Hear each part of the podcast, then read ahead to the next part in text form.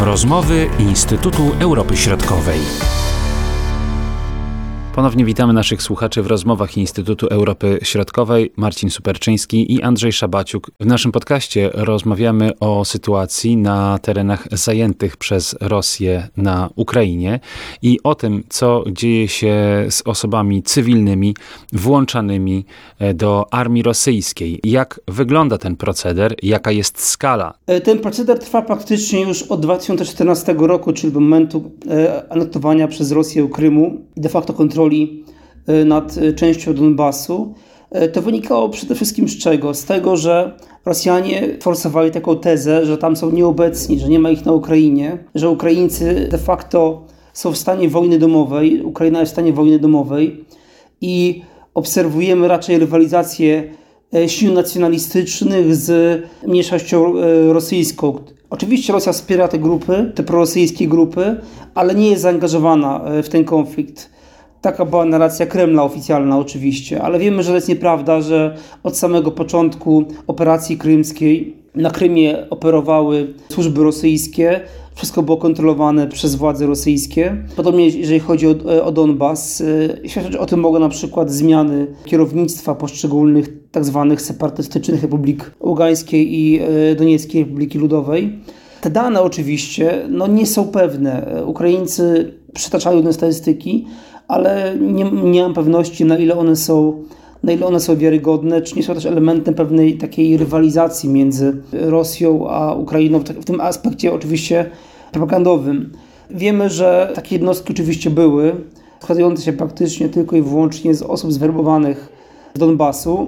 One miały różne nazwy, różny charakter, to były często tak zwane milicje ludowe, które były kierowane do e, walki z Ukraińcami. I to obserwowaliśmy z natężoną siłą zaraz po inwazji rosyjskiej, tej na pełną skalę, e, po 24 lutego 2022 roku, e, kiedy Rosjanie, w szczególności w tej pierwszej fazie, posiłkowali się e, osobami zmobilizowanymi z Krymu i z Donbasu. Na Krymie szacuje się, że zmobilizowano w tym pierwszym rzucie około 60 tysięcy osób. Ile z nich trafiło na front, ile poległo, tego do końca nie wiemy niestety, ale znając y, statystyki rosyjskie, przynajmniej te statystyki, które przytaczają media niezależne, średni okres operowania żołnierza rosyjskiego na froncie to jest około 5 miesięcy i najczęściej potem jest albo ranny, albo ginie. To z reguły dotyczy nawet C5 żołnierza, czyli nawet C5 żołnierz rosyjski, który trafia na front, jest albo ciężko ranny, albo ginie w czasie walk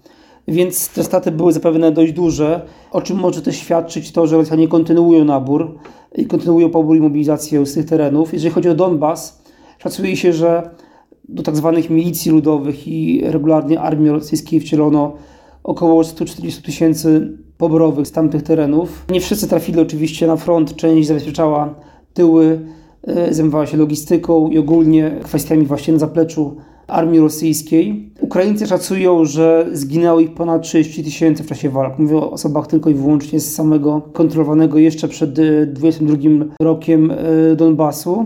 Natomiast tych nowych obszarów zajętych po inwazji już władze ukraińskie szacują, że zmobilizowano około 55 do 60 tysięcy żołnierzy i też nie wiemy jakie są straty, e, jeżeli chodzi o, o właśnie o osoby z tego terenu. Dodajmy też, że tutaj kontekście czy Krymu, czy Donbasu, czy obwodu e, zaporowskiego, czy hersońskiego, to często wygląda w ten sposób, że te osoby nie mają wyboru.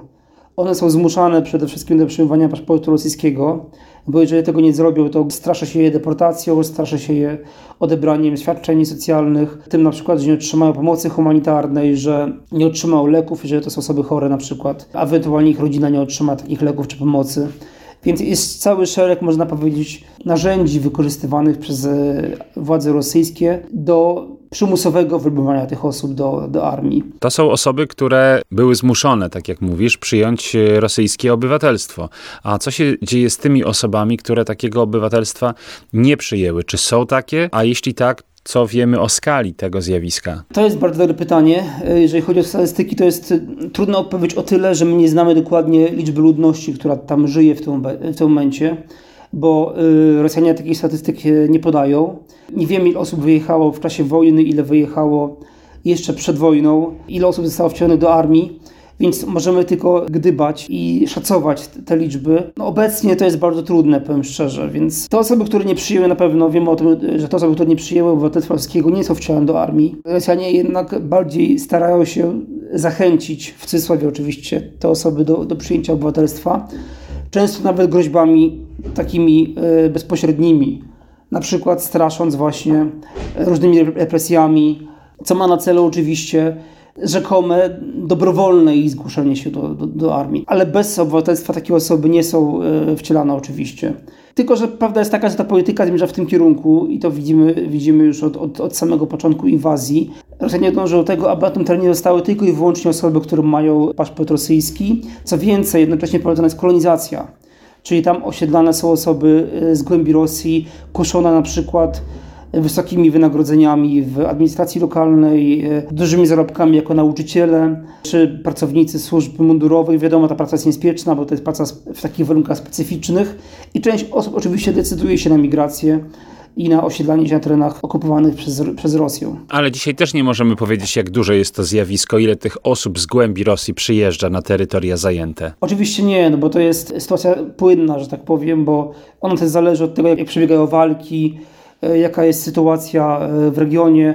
Po ostatnim ataku na przykład na Bierdiańsk i na Ługańsk zapewne część osób, które kusiły się wysokimi zarobkami, mogły zdecydować się na opuszczenie tych terenów, więc to jest sytuacja bardzo dynamiczna i bardzo, e, bardzo taka, można powiedzieć, niestabilna.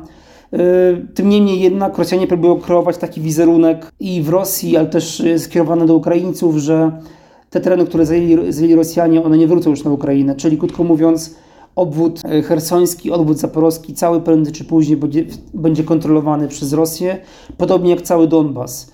I e, Rosjanie mówią wprost, nie ma, nie ma możliwości prowadzenia jakichkolwiek rozmów pokojowych, dopóki te warunki nie będą spełnione. Czyli możemy siąść do stołu, kiedy Ukraina zgodzi się z tym, że całe, całe Zaporoże i e, obwód hersoński plus cały Donbas jest pod kontrolą Rosji. Oczywiście Krym to już poza dyskusją nawet. W jakim wieku są ci poborowi, którzy trafiają do rosyjskiej armii z tych terenów okupowanych? Czy to wygląda tak samo jak na terytoriach państwa rosyjskiego, czy tutaj jakaś jest specyfika jednak? To jest właśnie ciekawe, bo w dużej mierze to są osoby powyżej 40 lat, czyli to są osoby takie w wieku dojrzałym, chociaż formalnie te osoby nie powinny być objęte rezerwą, jeżeli są szeregowcami, ale często one są po prostu zmuszane, zmuszane przez lokalną administrację, przez zakłady pracy na przykład, które też biorą udział w mobilizacji y, i rzekomo jako ochotnicy trafiają właśnie na front.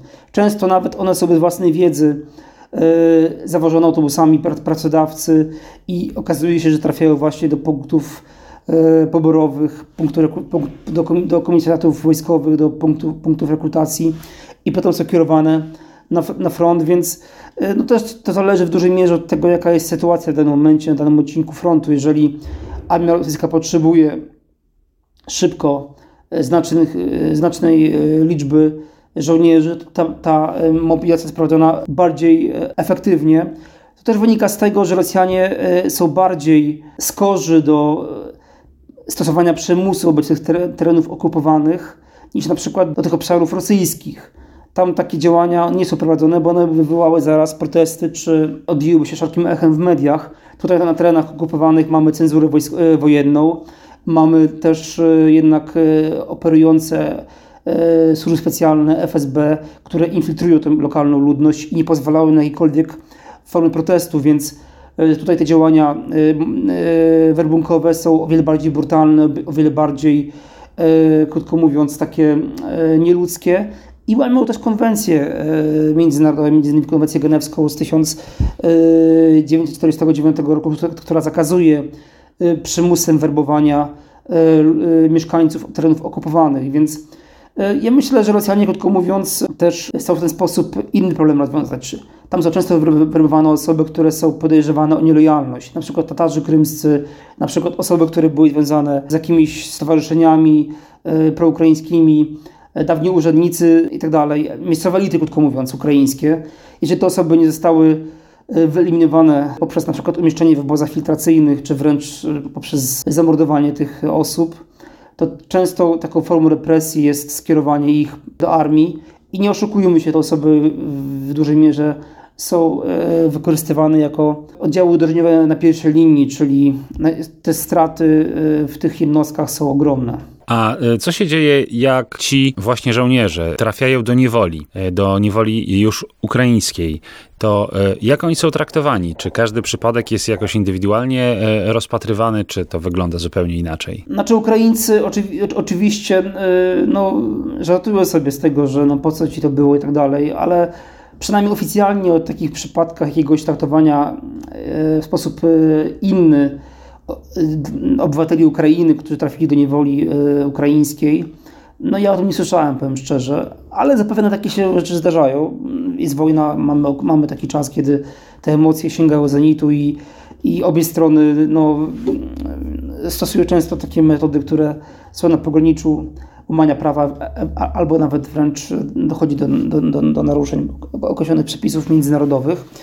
Tym niemniej Ukraińcy patrzą na to w ten sposób, że każdy jeniec to jest potencjalna osoba zwolniona z niewoli y, rosyjskiej, czyli to będzie karta przetargowa w negocjacjach o wymianie jeńców i y, z tego powodu, y, ponieważ Ukraińcy mają też kilka tysięcy w dalszym ciągu osób znajdujących się w niewoli rosyjskiej, więc dla nich te osoby są po prostu ważnym aktywem, które, które mogą wykorzystać w tych negocjacjach z Rosją. No i jak widzimy też z tych relacji z mediów i rosyjskich, i ukraińskich, raczej te osoby są traktowane dobrze, bo jak trafiają do Rosji, to są raczej e, w kondycji i zdrowotnej, i fizycznej całkiem dobrej. E, nie są tak wychudzone i osłabione jak jeńcy ukraińscy, którzy trafiają właśnie do, do Ukrainy z niewoli rosyjskiej, więc Tutaj traktowanie tych osób jest o niebo lepsze niż w przypadku jeńców ukraińskich przetrzymywanych przez Rosjan. Bardzo dziękuję Andrzeju za ten komentarz, naświetlenie nam tego problemu. Do usłyszenia. Dziękuję bardzo, kłaniam się nisko. Były to rozmowy Instytutu Europy Środkowej.